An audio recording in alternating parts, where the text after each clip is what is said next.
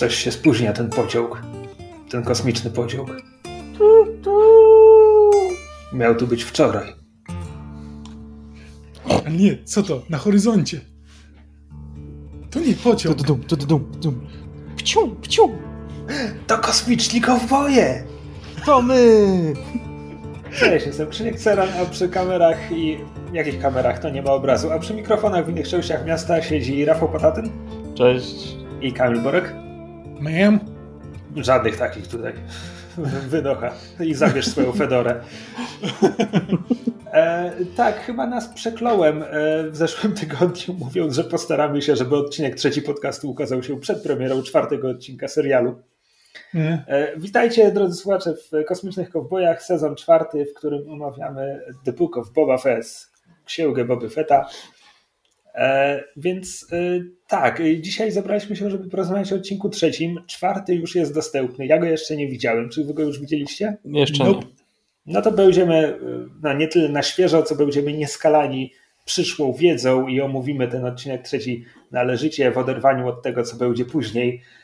A ja nie wiem, co będzie później. Ten odcinek Rany Boskie.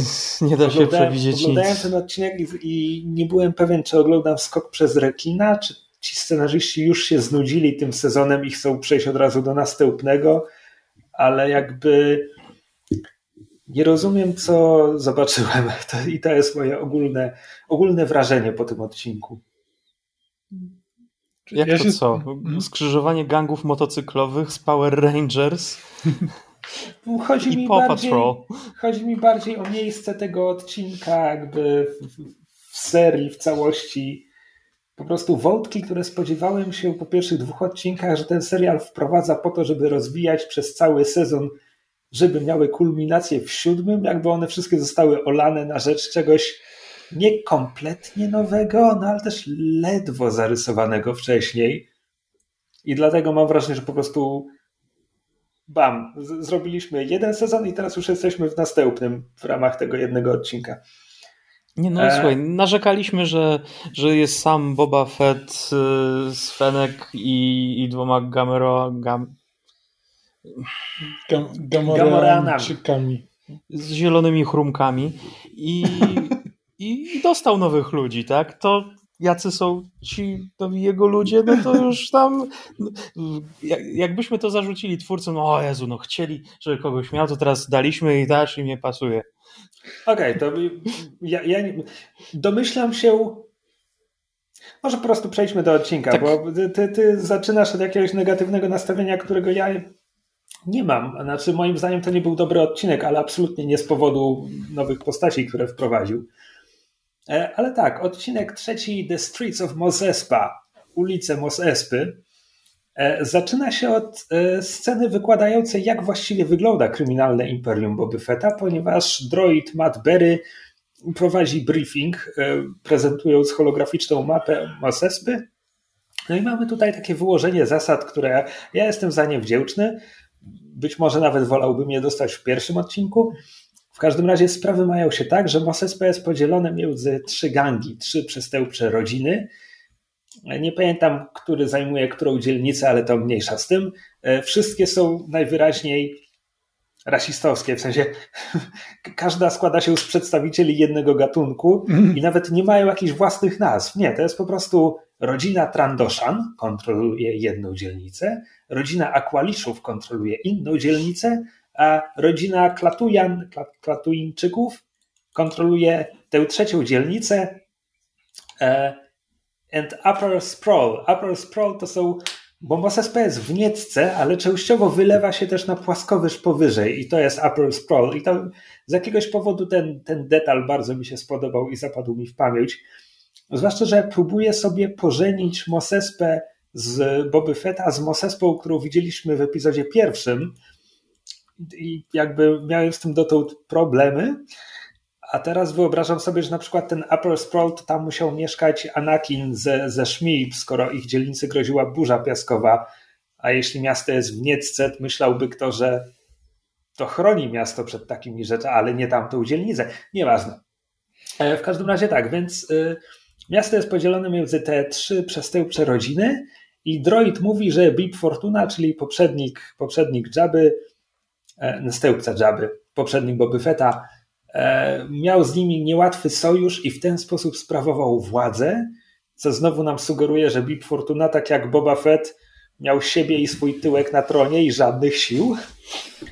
Bo jakby teraz mamy już bardzo wyraźnie powiedziane, że, że siły Boba Fetta to, to jest ten tafenek i ci Gamoreanie. W pierwszym odcinku ktoś im ich sprowadził, więc zakładam, że tam jest jeszcze jakiś niewidoczny pomocnik, przynajmniej mhm. jeden, plus ktoś pracuje w kuchni.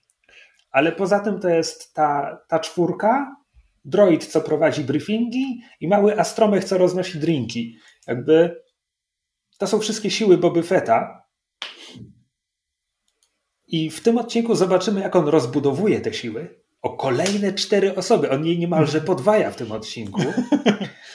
E, ja... No na papierze wygląda to nieźle. I gdybyśmy obserwowali, jak on od takiego zera, w sensie jest tylko on, Fenek i pomału zbiera pomagierów, przechodzi do przechodzi na pozycję, w której odbiera tron Bibowi i staje się tym władcą, to byłoby spoko. Ja wciąż nie pojmuję, czemu zaczęliśmy od tego, od tego, tego teasera z końcówki drugiego sezonu Mandalorianina, że on już zabił Biba i on już jest tym władcą i wszyscy uznają, że on jest tym władcą, bo tak. I on ja, ja miałem strasznie takie... cokolwiek, żeby być tym władcą. To jest takie strasznie dziwne. Ja, ja miałem poczucie, jakbym oglądał wstęp do przeglądarkowej gierki w Mafię.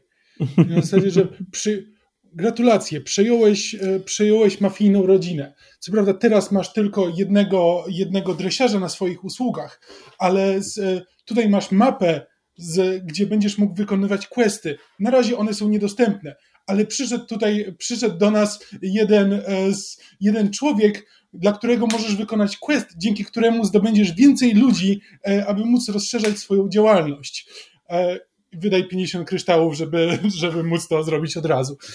Dokładnie tak wygląda. I tym człowiekiem w tym wypadku jest e, kolejny aktor komediowy. Ja, ja go nie znam, tak jak ja nie znam wszystkich tych aktorów ja, komediowych, ja którzy lubię, tu się znam, pojawiają. Kto to jest? Skąd on jest? Eee, tak. Z rzeczy. Z rzeczy. Okay. Ja go kojarzę z twarzy, ale jego też nie, nie kojarzę z czego był, konkretnie. On był tatą. E, on był tatą, czyli on tatą był w którym serialu? Fascynujące. Czekaj, no, pamiętasz, tą kuzyn, pamiętasz tą kuzynkę? Brooklyn Nine-Nine. Ona chodziła do twojego liceum i ona miała dziadka. Okay, no, jeśli, ten... jeśli mogę wejść wam w głos, aktor nazywa się Stephen Root. Tak, e. grał w Brooklyn Nine-Nine ojca e, tego, mm, nie Jake'a, tylko jego kumpla. Jeżeli nie oglądaliście okay. Brooklyn Nine-Nine, to nie, nie będziecie wiedzieć. Dobrze. No więc e, e droid mówi, jak, że trzeba... Czekaj, jak, jak bardzo jesteś tego pewien? Bo ja nie znajduję Brooklyn Nine-Nine w jego kartotece. o Jezu, czekaj. Wow, naprawdę będziemy się w to zagłębiać. Krzysiek, sam prosiłeś, żebyśmy się zamknęli w godzinie. Okej, okay, lecimy dalej. W każdym razie te, ten oto Lorfa Pil jest e, sprzedawcą wody i jakiś gang rozbija się w jego dzielnicy i wy, wykradł mu wodę. No i on bierze, bierze Bobę tak jakby bardzo prostym chwytem, ale w tym serialu wszyscy stosują wyłącznie bardzo proste chwyty i one zawsze działają, no bo on mówi, że Jabba nigdy by na to nie pozwolił, żeby taki chaos na jego ulicach i w ogóle, więc och, potężny władco, w imieniu którego jestem oburzony tym, co się dzieje w mojej dzielnicy, proszę zaprowadź tam porządek. I z jednej strony Boba wie, że jest manipulowany, ale z drugiej strony nie ma problemu z tym, więc idzie to zrobić. No, ma jeden, jeden wpis w dzienniku questów, no, co ma robić? No tak, nie da, nie da się ukryć. E, więc idzie tam i spotyka ten groźny gang motocyklowy, który składa się z czwórki... i jego gangu. Jak znam amerykański casting, to chyba mają być nastolatki, a, mhm. a przynajmniej młodzi dorośli e, ze swoimi latającymi skuterami. E, to są wespy. Przejdziemy do tego może w scenie pościgu. E, Dobrze. W każdym razie e, Tak, e, no i gang mu mówi, hej, no nie mamy pracy, bo nie ma pracy, mamy wodę, bo ją wzięliśmy, nie zapłaciliśmy, bo nie ma pracy, a w ogóle jak moglibyśmy zapłacić, kiedy on żołda i tu pada kwota, no i nawet Boba rozumie, że jest to wygórowana kwota. I ostatecznie jego salomonowym rozwiązaniem jest, że proponuje złym gangsterom, że od teraz będą pracowali dla niego, a handlarz wody, jak się, jak się rzuca, że nie o to mu chodziło, to handlarzowi płaci tam ułamek tego, co gang był mu winien, a na odchodne jeszcze grozi mu, żeby obniżył swoje e, zbójeckie ceny, bo inaczej będzie mógł się przenieść ze swoim interesem do Mos Eisley. Jest dla mnie jedna interesująca rzecz w tej... Znaczy, podoba mi... Podoba mi się samo to, co tu się dzieje, to znaczy Boba, który znajduje sobie ludzi, w zasadzie on naprawdę potrzebuje ludzi. Zakładam, że ten zły gang motocyklowy nastolatków z Riverdale faktycznie są to przestępcy, skoro zgadzają się pracować dla Boby Fetta w tym momencie. E, więc przymknijmy oko na, na resztę. E, to, co jest dla mnie najciekawsze w tym wszystkim, to jest to, że e, woda jest dostępna wyłącznie u handlarzy, w sensie, że Mosespa jest. E, nie ma tam czegoś takiego jak, jak woda Studnia. dla mieszkańców, studnia, wszystko jest kontrolowane, za wszystko trzeba płacić. No bo to jest e, piekło, kapitalistyczne piekło. Tak, Dość przerażające. Było. Mm. Tylko właśnie oni tam wspominali, że trzeba zapłacić miesięczne zarobki za tydzień wody. Mhm. Co oni jedzą? No bo rozumiem, że wszyscy są w takiej no, sytuacji. No, no tak, tak, no właśnie o to, o to mhm. chodzi, dlatego to były takie zbójeckie ceny. Wiesz, znaczy... na, jest też pewnie jakiś czarny rynek, gdzie możesz coś tam załatwić. Pewnie ludzie sobie jakoś tam załatwiają, jakoś radzą, ale no tak to wygląda. E, tak, znaczy mm, w pewien sposób ja się zastanawiam, na ile możliwe jest, żeby taka duża metropolia wyrosła w miejscu, -hmm. gdzie tej wody nie ma, chyba że, chyba że masz fortunę, żeby płacić za wodę. Ale pal 6. Może, może sprawy nie wyglądały tak źle jeszcze parę, parę lat wcześniej.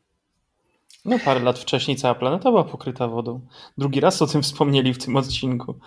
No, dawno, dawno, no, dawno. Dawno, dawno, dawno, dawno. E, tak, więc y, zły gang z Riverdale odlatuje za Bobą Fettem i... Aha, jeszcze jedna z, e, rzecz była tu dla mnie ciekawa. Znaczy wzmianka o tym, że to jest w ogóle jakaś subkultura, która nie tylko modyfikuje swoje skutery, ale też modyfikuje swoje ciała. W sensie, że oni wszyscy mają mechaniczne protezy i implanty i jest dla nich powód do dumy. To będzie jeszcze potem podkreślone później, blisko końca odcinka. E, no bo to jest bardzo klasyczny cyberpunk, a jednocześnie nie jest to coś e, szczególnie popularne w Gwiezdnych Wojnach. W sensie, oczywiście mm -hmm. w Gwiezdnych Wojnach są cyborgi, Luke Skywalker jest cyborgiem po, po Imperium kontratakuje i tak dalej, nie wspominając o Vaderze. E, no ale też e, za Gwiezdnymi Wojnami ciągną się te kwestie w rodzaju Obi-Wan o Vaderze jest bardziej maszyną niż człowiekiem, e, pokręconą i złą. I, i zawsze ta, ten element. George Lucas tak to pokazywał, że te mechaniczne elementy oznaczają utratę człowieczeństwa i tak naprawdę tej bardziej, bardziej, bardziej cyberpunkowego podejścia, że to może być też ulepszenie, to może być kwestia indywidualnego stylu wyrażania się, czy, czy cokolwiek, tego w Gwiezdnych Wojnach nie było albo było bardzo mało. Więc to jest oczywiście tutaj tylko detal nieistotny, ale podkreślam to jako mm, no coś w miarę nowego w obrębie Gwiezdnych Wojen. Mhm. Jeśli jeszcze chodzi o tych, e, o tych ludków, to młodzież, oni jakby ewidentnie są zainspirowani, jakby jest subkultura, która oni nazywa po prostu mods od mod, e, która jakby była, tak, była dosyć popularna w latach 50. do 70. w, e, w Londynie i w, w Wielkiej Brytanii.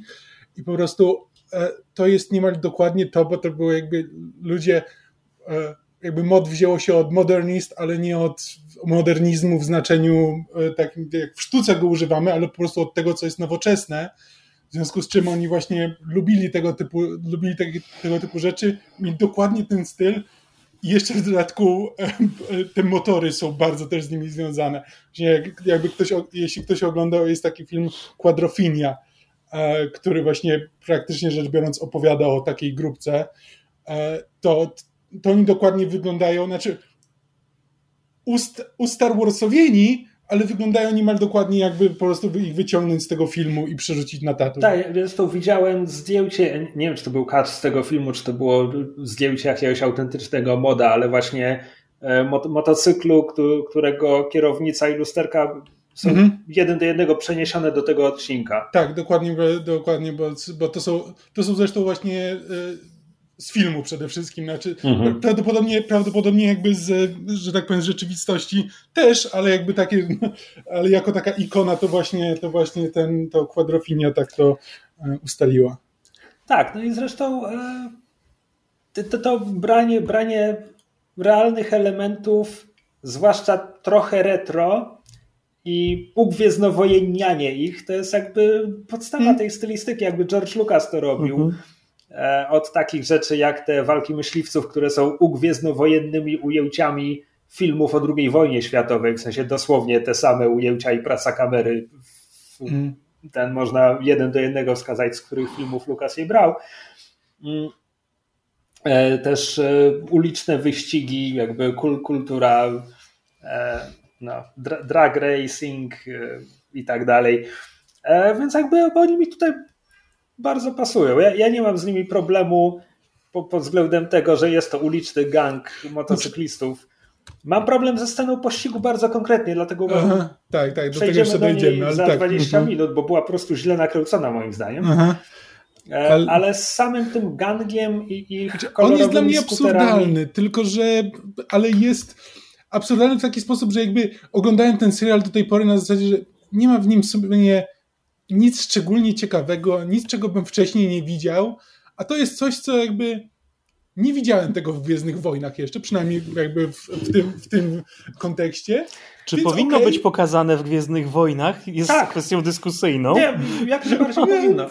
Znaczy, wiesz, jeśli, rozumiem, jeśli, że komuś się może nie podobać. Je, jeśli jest... Gwiezdne Wojny zamkną się tylko w, w obrębie odniesień Jedi, Szturmowiec, Sith, to, to umrą. Jakby to muszą Rozumiem. się pojawiać nowe elementy. Rozumiem, ale to wyglądało jak komediowa parodia pościgu z lat 80. Bo pościg był fatalnie nakręcony.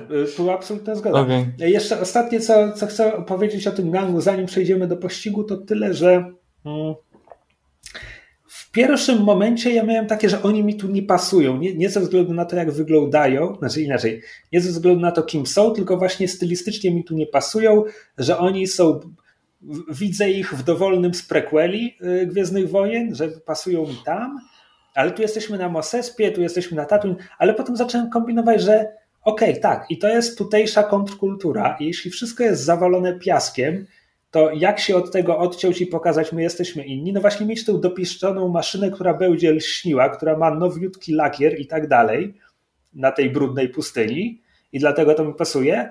A potem, potem sobie pomyślałem, i w ogóle to prawdopodobnie mają być nastolatkowie, więc tym bardziej oni chcą mieć coś swojego i tak dalej. I w końcu stwierdziłem, że kurde, różnica 10 lat i, i Luke Skywalker byłby jednym z nich. Bo to, mhm. to, to, to jest znaczy, zasadniczo ten sam typ tak, postaci. Implanty, wymuskane y, motocykle y, i nie mają pieniędzy na wodę. Tak, bo znaczy, wszystko ładujesz, swoje, wszystko ładujesz w to, co kochasz. Znaczy, jak, okay, jesteś, jak e... jesteś licealistą z gitarą, to władujesz wszystkie pieniądze wzmac we wzmacniacz. Tak, znaczy ja się z tym zgadzam, gdyby to było tak, że mają te motory i to jest to, co mają wypieszczone, to to by miało dla mnie dużo więcej sensu, ale oni cali wyglądają e, wypieszczeni. Jakby ich stroje mhm. są nówka sztuka, nieubrudzone, e, w, do, do, doskonale zaprojektowane, te ich wszczepy też nie wyglądają szczególnie.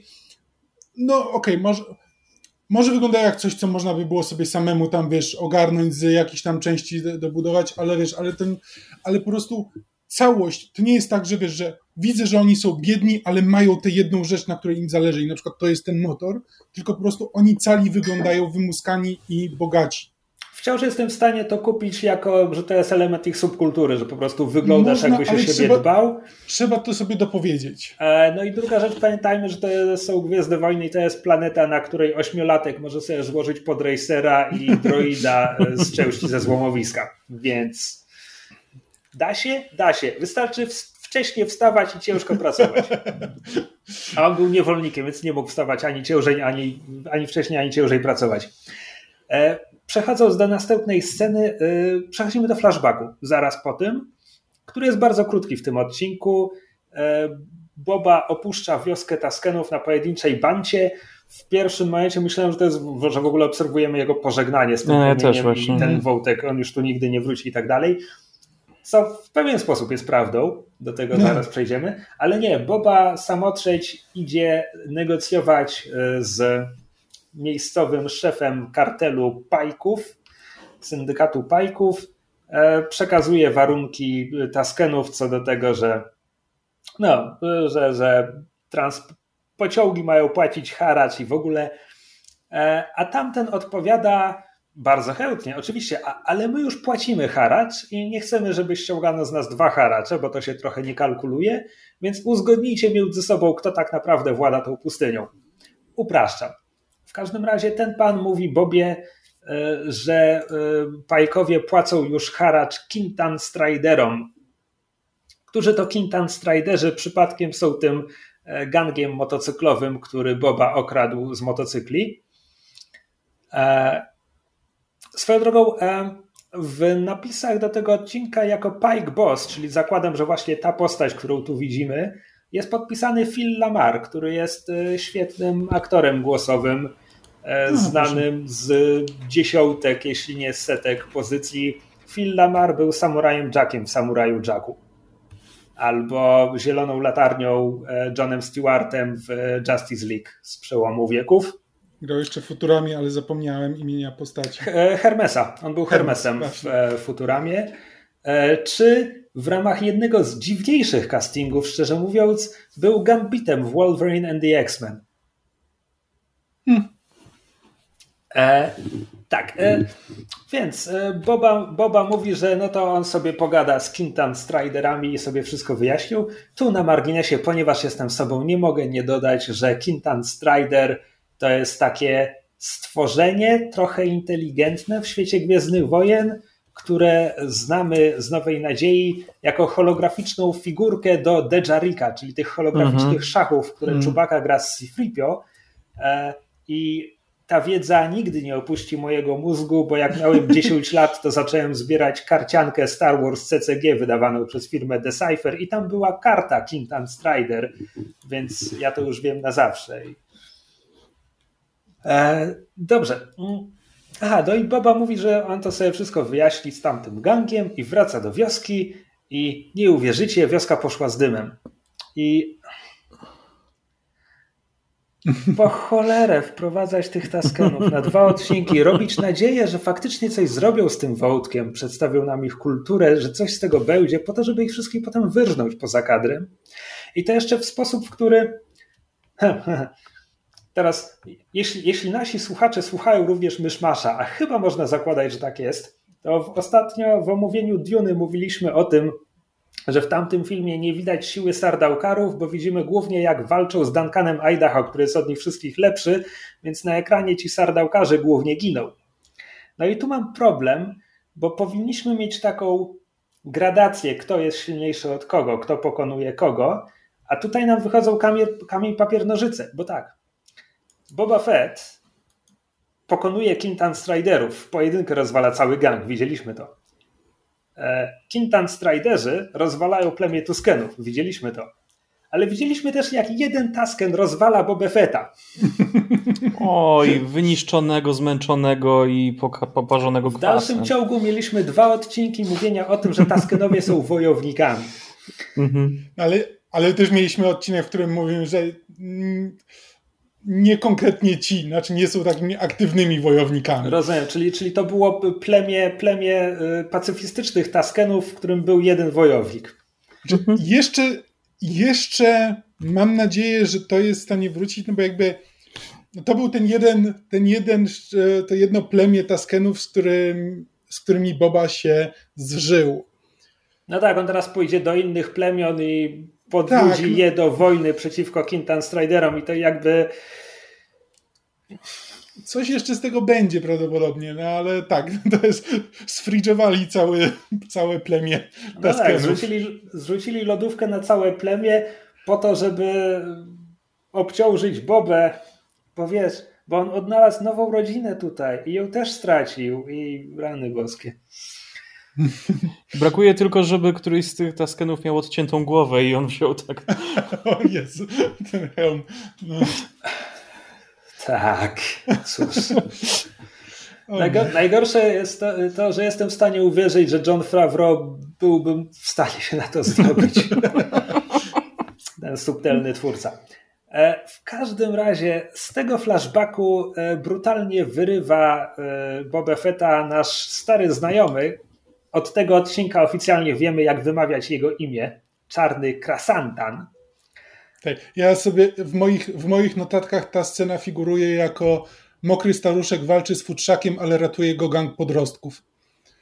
E, tak to wygląda istotnie. Jedno to jest oczywiście to jest oczywiście brutalny atak, do którego mogłoby dojść tylko w filmie. To znaczy no Krasantan miał Bobę jak na tacy i to, co mhm. postanowił zrobić, to, to dać mu szansę w równej walce. Ale Więc... mamy tutaj, mamy też e, tutaj subtelne nawiązanie do o Boże, to chyba Eastern Promises i do sceny, sceny walki w łazience z nagim Viggo Mortensenem. W saunie, to była sauna. E, w saunie, tak. E, nie wiem, czy posunąłbym się aż tak daleko. Znaczy, tak, no więc, no więc Krasantan wyciąga, wyciąga Bobę z wanny, E, tak żeby tamten mógł mu stawić czoła. Boba nie jest w stanie mu stawić czoła tak naprawdę. Potem przybiegają Gamoranie, potem przybiega gang. Na sam, po drodze walka przenosi się do sali tronowej, w końcu przybiegnie Fenek. Jedno, za co jestem tej scenie wdzięczny, znaczy ładnie pokazuje Krasantana.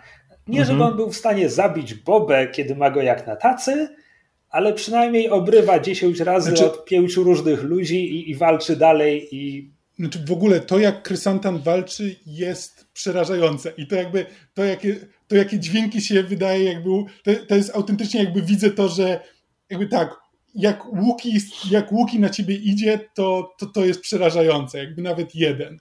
E, jakby czuję to w tej scenie, nawet jeśli jakby rzeczywiście, jeśli by tak popatrzeć na to, co się w niej dzieje, to, no to dał się załatwić jak, e, jak tak. patałach, ale...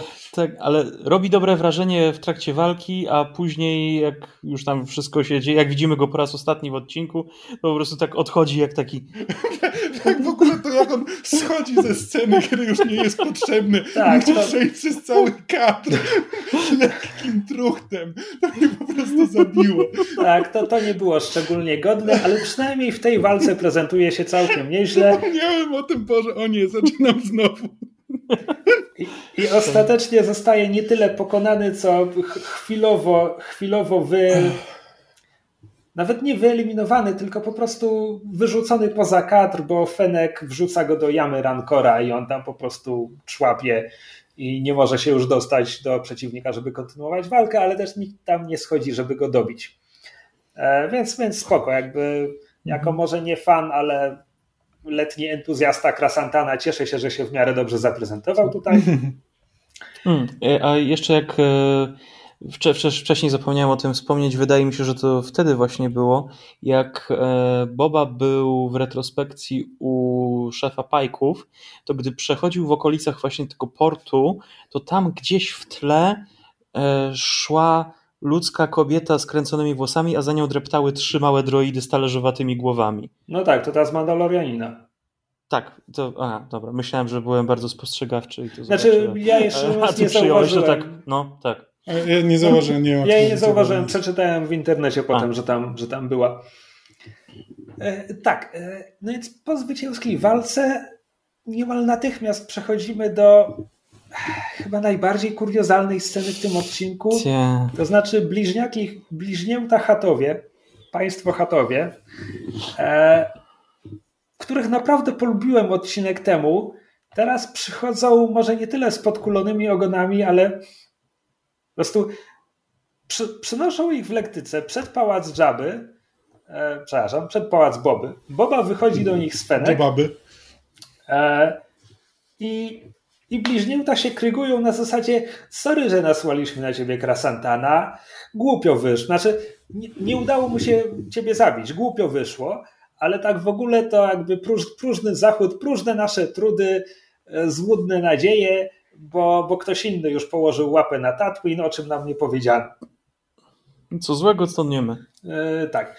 I jeszcze, jeszcze mówią, e, no, że w ramach wynagrodzenia i zadośćuczynienia, i żebyś nie żywił złych uczuć i w ogóle to masz tutaj rankora, ponieważ mieliśmy akurat rankora. Kupiliśmy dwa rankory, potrzebowaliśmy tylko jednego. Masz rankora. Chcesz rankora? Dorzucimy ci do tego maczetę. Znaczy, Kupiliśmy dzieciom na urodziny, ale dzieci się z nimi nie dogadują. No i no, teraz trzeba jeszcze, jeszcze, jeszcze to, że to jest tam, tam następuje cięcie. Jak wiemy, cięcie w filmie przerywa ciągłość miejsca, czas i czasu i akcji, więc cholera wie, może minął miesiąc między jedną sceną a drugą, ale nic na to nie wskazuje. To wygląda po prostu tak, że oni nasłali Krasantana i potem 8.30 rano są przed tym pałacem z rankorem na przeprosiny. Znaczy, ja, autentycznie, ja autentycznie zapomniałem, że tam, że tam w sumie rzeczywiście musiało minąć trochę czasu, bo oni są już przy śniadaniu, ale po prostu miałem takie wrażenie, że oni tam po prostu czekali na zasadzie ok, zobaczmy, czy Krasantan stamtąd wyjdzie, czy nie.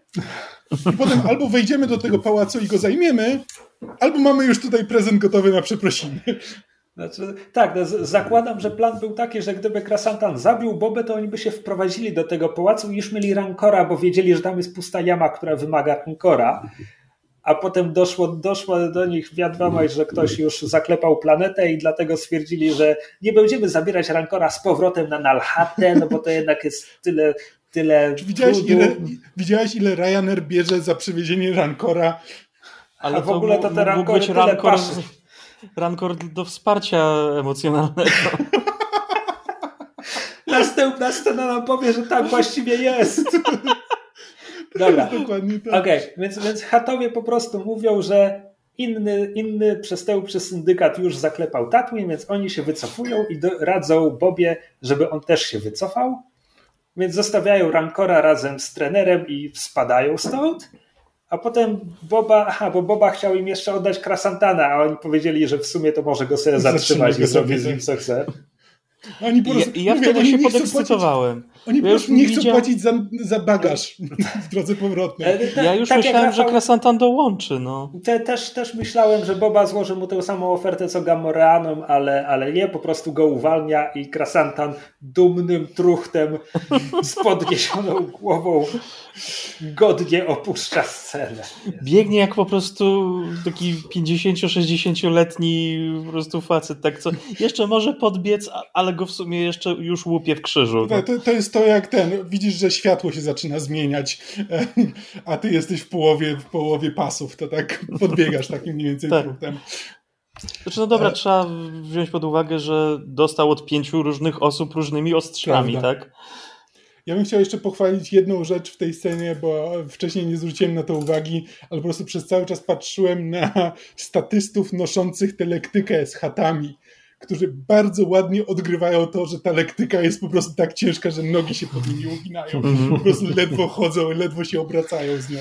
To jest naprawdę bardzo ładnie zagrane, nawet, nawet kiedy stoją po prostu, to widać, jak bardzo to im ciąży. Jest to bardzo ładnie zrobione. Doceniamy tych statystów. Tak, więc podsumowując, jakby ja po prostu oglądałem to już twarz, twarz w rełkach, nie wiem na co patrzę, bo znowu jakby potencjalnie interesujący wątek zostaje urżnięty. Nie, no oni sobie spadają, spadamy, to w ogóle nie o tym będzie ten serial. Polubiliście tych chatów, wasz problem, nie, nie to nas tu interesuje, lecimy dalej. Absurd. Po czym eskalując absurd, Znaczy, należało się domyślać, że, że opiekun Rancora będzie miał, będzie miał rolę w tym serialu, gdy tylko pokazał swoją twarz danego Trecho, bo jednak nie bierzesz danego Trecho, żeby po prostu stał w tle i nic nie powiedział.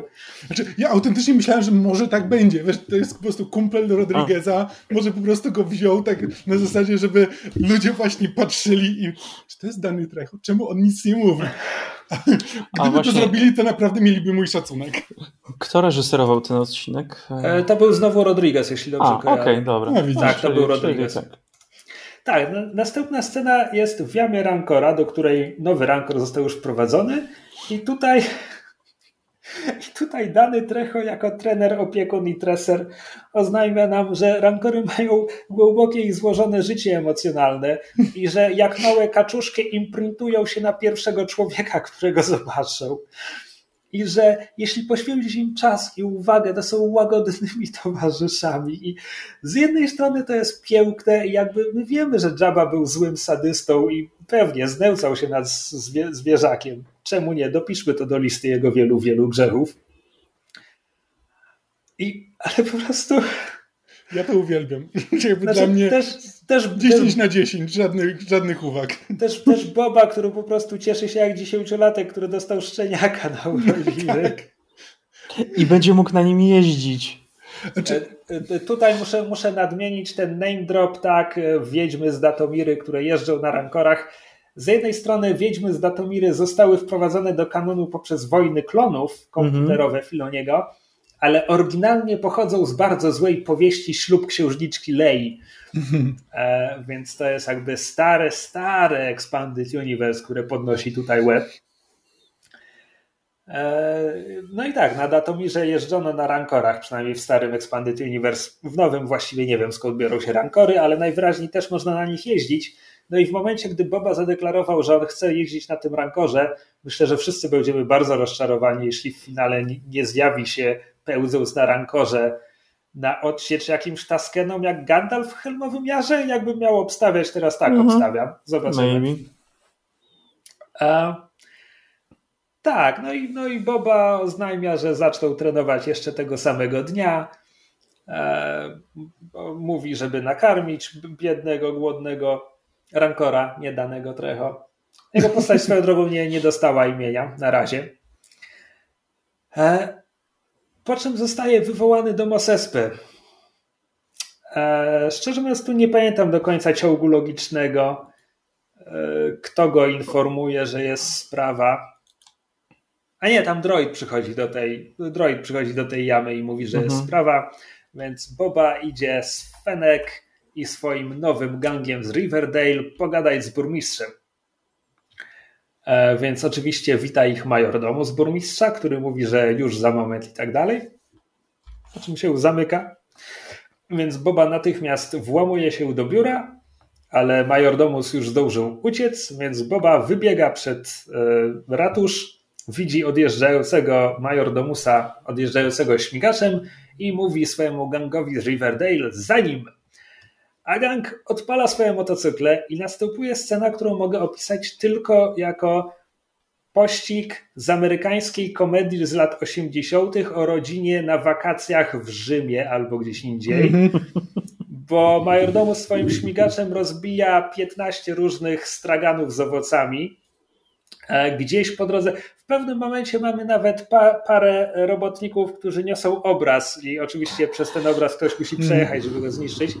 Na marginesie marginesu tym obrazem był e, szkic Christophera McQuarriego, który był autorem grafik koncepcyjnych do całej oryginalnej trylogii. No proszę. Okay.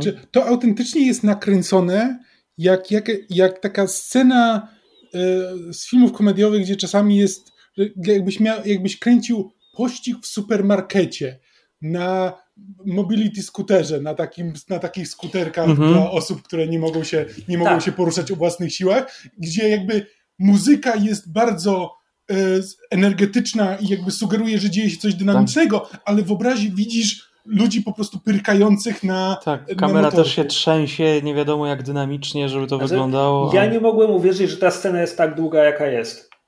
Ale po prostu to, jak ona jest powolna, i to przez cały czas, to nie jest to, że na paru scenach czy coś, tylko po prostu przez cały czas to jest po prostu tak, jak oni by się ścigali na hulajnogach. Mhm.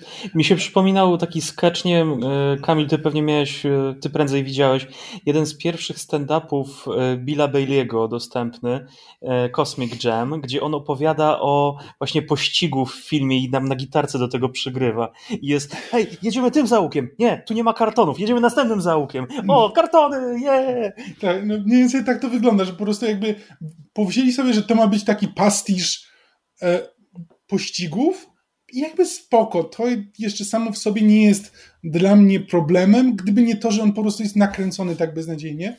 W komentarzach w internecie jakby ktoś powiedział, że to po prostu wygląda dokładnie tak, jak wyglądały sceny akcji w Spy Kids, które też jest filmem Rodrigueza e, dla dzieci. I być może on po prostu tak kręci sceny akcji. Jakby Rodriguez jest przyzwyczajony do kręcenia filmów niskobudżetowych. Być może, że po prostu nie wie, co ma zrobić, kiedy dostaje budżet na miarę Gwiezdnych Wojen. Znaczy, nie, nie, nie, nie uogólniajmy co do scen akcji, no bo jakby Rodriguez jednak zrobił te desperadosy, maczety i co tam jeszcze, e, ale może faktycznie znaczy, tak, nie było tam pościgów. Znaczy, tak, jakby on jest dobry jakby w scenach, jakby w, tak, w napięciu, czy w, w czymś takim jakby w scenie akcji ale wiesz, ale to zazwyczaj są sceny akcji na jakby na budżecie filmów z lat 80. No. Tak, więc teraz zahaczmy o... Rafałowi w słowo, kiedy, kiedy powiedział, że nasz, nasz gang motocykl... Tak, wiem. E, kiedy, kiedy na początku odcinka powiedział, że ten gang jeździ na wespach, no bo jakby nawiązanie do kultury modów mówi nam, że to są raczej Harley, jakby to, to, to mają być kosmiczne, autentyczne motocykle, ale ślamazarność tego pościgu sprawia, że mhm. ja też mhm. widzę tam tylko kolorowe wespy. Skuterki po prostu. Powolnie pyrkające skuterki, tak. Teraz porozmawiajmy o pneumatycznej nodze z kolcem i palnikiem w palcu, czy ta w ręku, którym atakowali samochód majordomusa. Owszem, ta noga jeszcze, tylko widziałem takiej takie jedno HP, jedno HP, jedno HP, które temu, które temu pojazdowi odpada, ale serio, ten drugi koleś, który miał po prostu, nie wiem, gazową zapalniczkę w, ręku i pró próbował mu karoserię po prostu przypalić trochę lakier. To, to, to było trochę już śmieszne. Tak, no i ostatecznie, ostatecznie chyba główna postać z tego gangu, czyli dziewczyna ze skuterem, Napisy mówią, że nazywa się Drasz, ale to imię chyba nie pada tu nigdzie. E, wykonuje manewr, który ostatecznie powstrzyma majordomusa. E, jakby co to, jakby to jest postać. Po reklamówce tego odcinka miałem przez miałem krótką rozkminę, czy może to będzie doktor Afra. Szczęśliwie to nie jest doktor Afra. W każdym razie, mówiłem o tym tydzień temu. E, w no. każdym razie, więc tak, więc ona powstrzymuje Majordomusa. Majordomus jakby śmigaczem pełnym mandarynek zatrzymuje się pod jakąś ścianą i spuszczamy kurtynę na tę komedię, po czym wracamy do budowania napięcia. Nie, nie, nie, nie, nie, nie spuszczamy jeszcze kurtyny. W tym momencie Boba ląduje obok tego samochodu. Mógł po prostu za nim polecieć sobie na swoim jetpacku. No tak, ale przecież on jest teraz Donem. Don nie będzie sam za kimś biegał po mieście. Don przyleci hmm. na gotowe. A więc Don, Don Boba... Boba Fett nie uprawia e, mikromanagementu. Znaczy, rozkazał im go ścigać, to był mikromanagement, natomiast nie, nie bierze sam udziału w e, czymś, czym mają się zająć e, no, pracownicy niższego szczebla. E, więc tak, więc Boba tam loaduje, a e, David Paskezi dramatycznym głosem obwieszcza, że burmistrz już uciekł, a tak w ogóle to pracuje z pajkami. Dam, to, dam, dam. To, mm. e, Po czym następuje krótki epilog, gdzie przylatuje duży, jak się okazuje, jest to krążownik pasażerski, Starliner. I tutaj jest kolejne naprawdę syndykat zbrodni przylatuje pasażerskim kosmicznym autobusem. No, pendolino, no.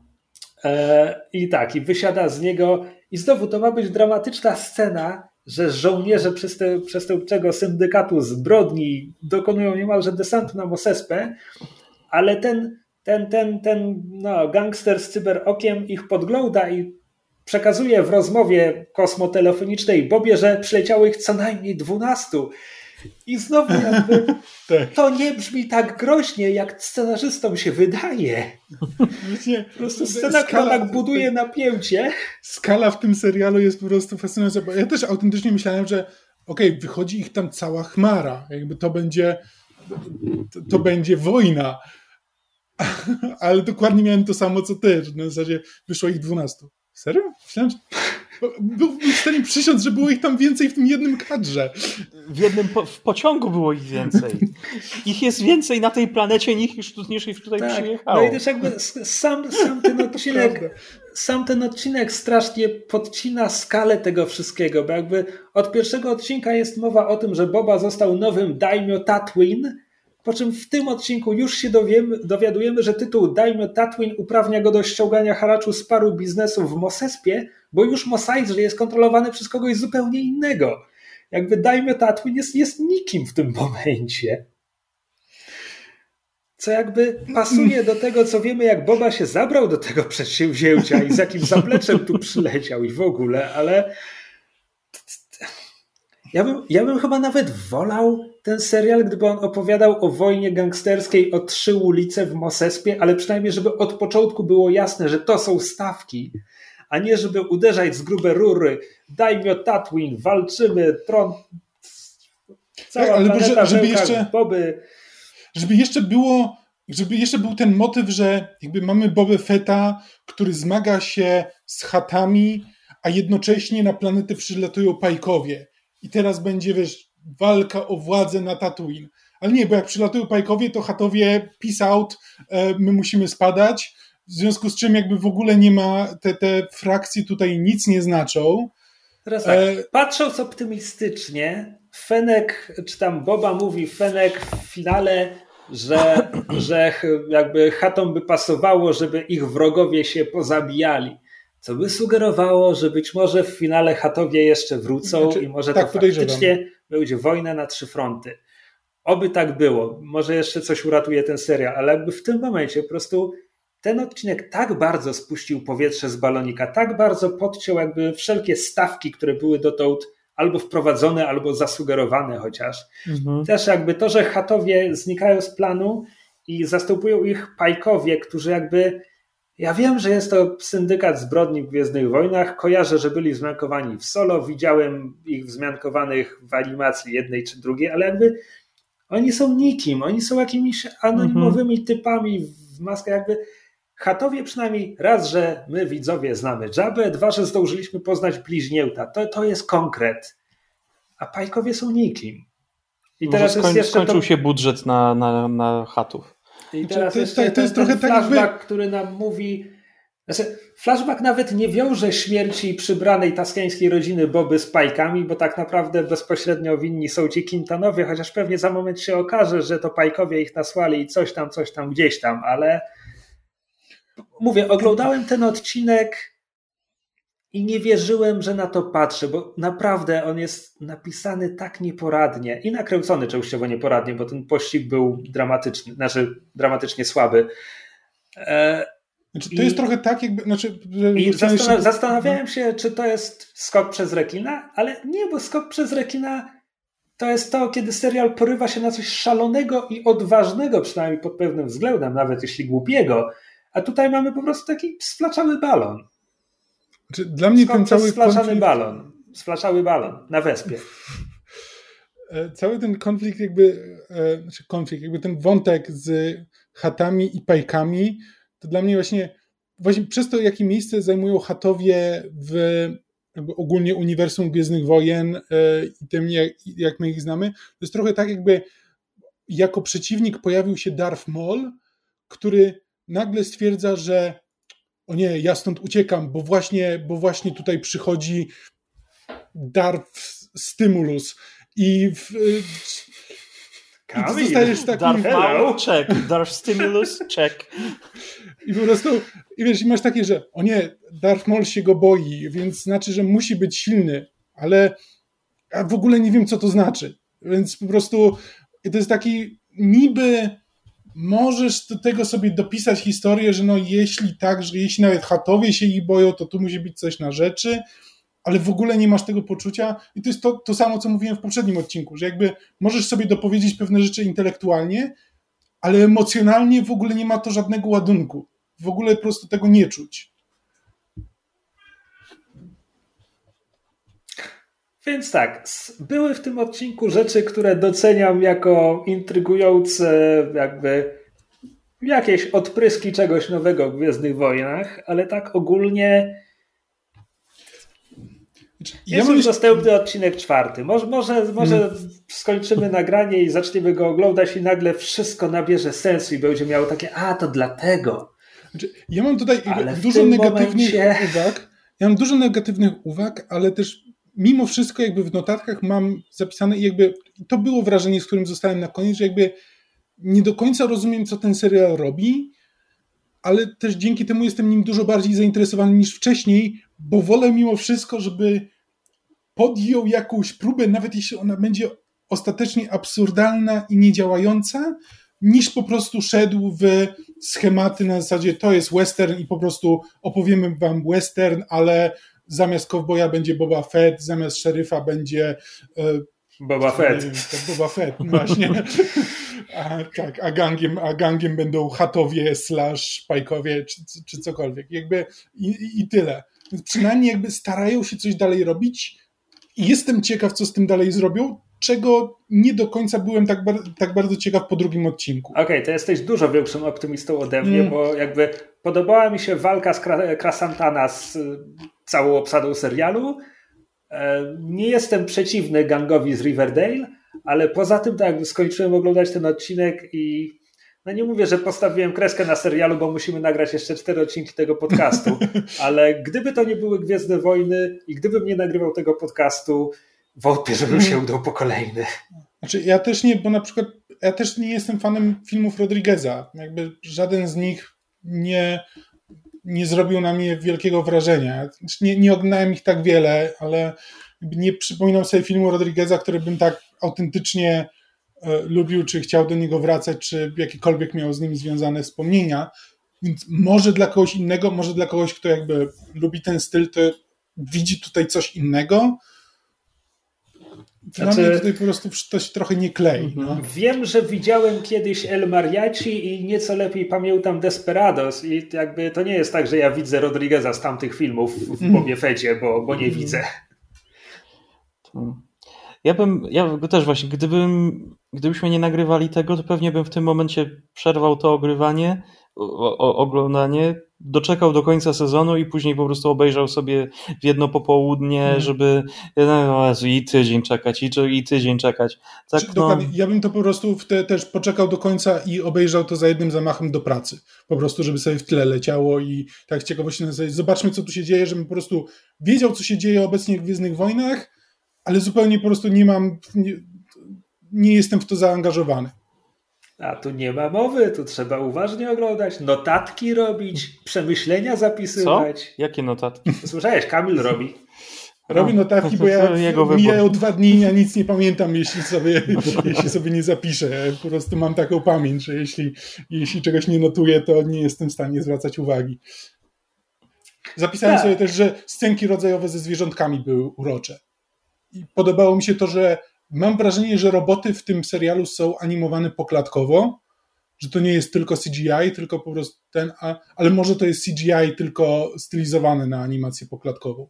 Mają coś takiego w swoich ruchach, co jest ciutkę nienaturalne i nie do końca płynne. Intrygujące, muszę się nim uważniej przyjrzeć następnym razem. E, jeszcze parę minut zostało do pełnej godziny. E, pierwsze ujęcie tego odcinka to jest ten taki robopająk z czerwonym zbiorniczkiem, który przechadza się przez pustynię.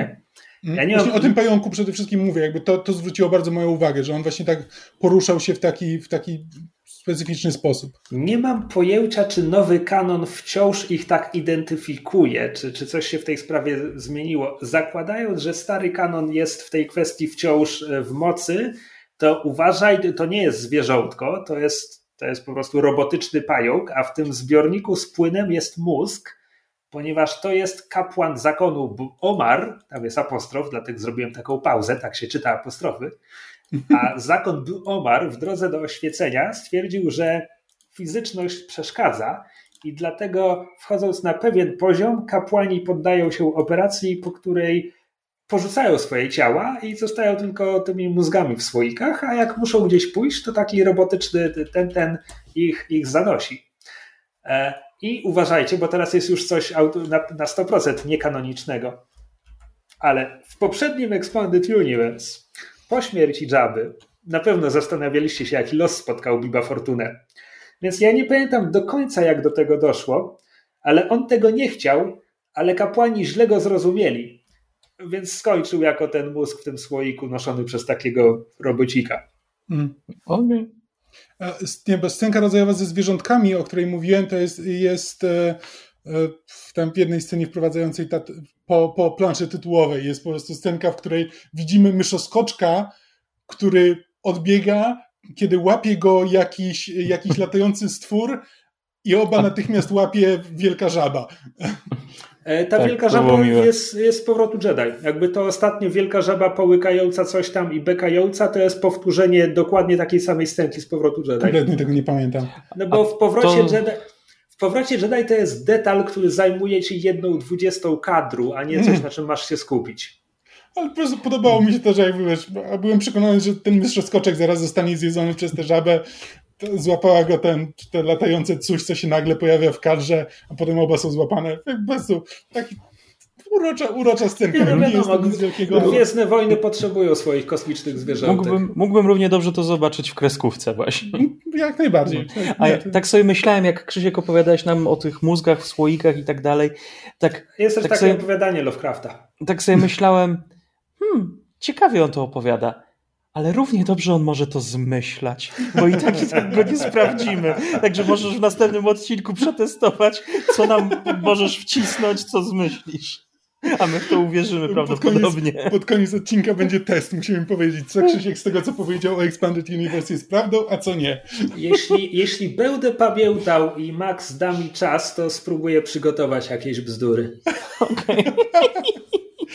Nice. Dobry teaser na kolejny znaczy, odcinek. Wie, wiecie już, że w Gwiezdnych Wojnach wszyscy lubią, jak do uszu wlewają się G's, więc jakby nie wiem, czy jestem w stanie to przebić w jakikolwiek sposób. Ale spróbuję. dziękujemy za, dziękujemy za e-maile. Tak, dostaliśmy tak. dwa maile, było bardzo miłe. Czyli nie, ten, nie ten adres jednak działa. Nie zdążymy ich przeczytać na, na antenie, bo oba są bardzo długie, ale dziękujemy. Tak, bardzo nam miło było je czytać. E, tak, e, to już wszystko w tym tygodniu, e, w zeszłym tygodniu, to już wszystko w zeszłym tygodniu. E, ten odcinek ukazał się zgodnie z czasem.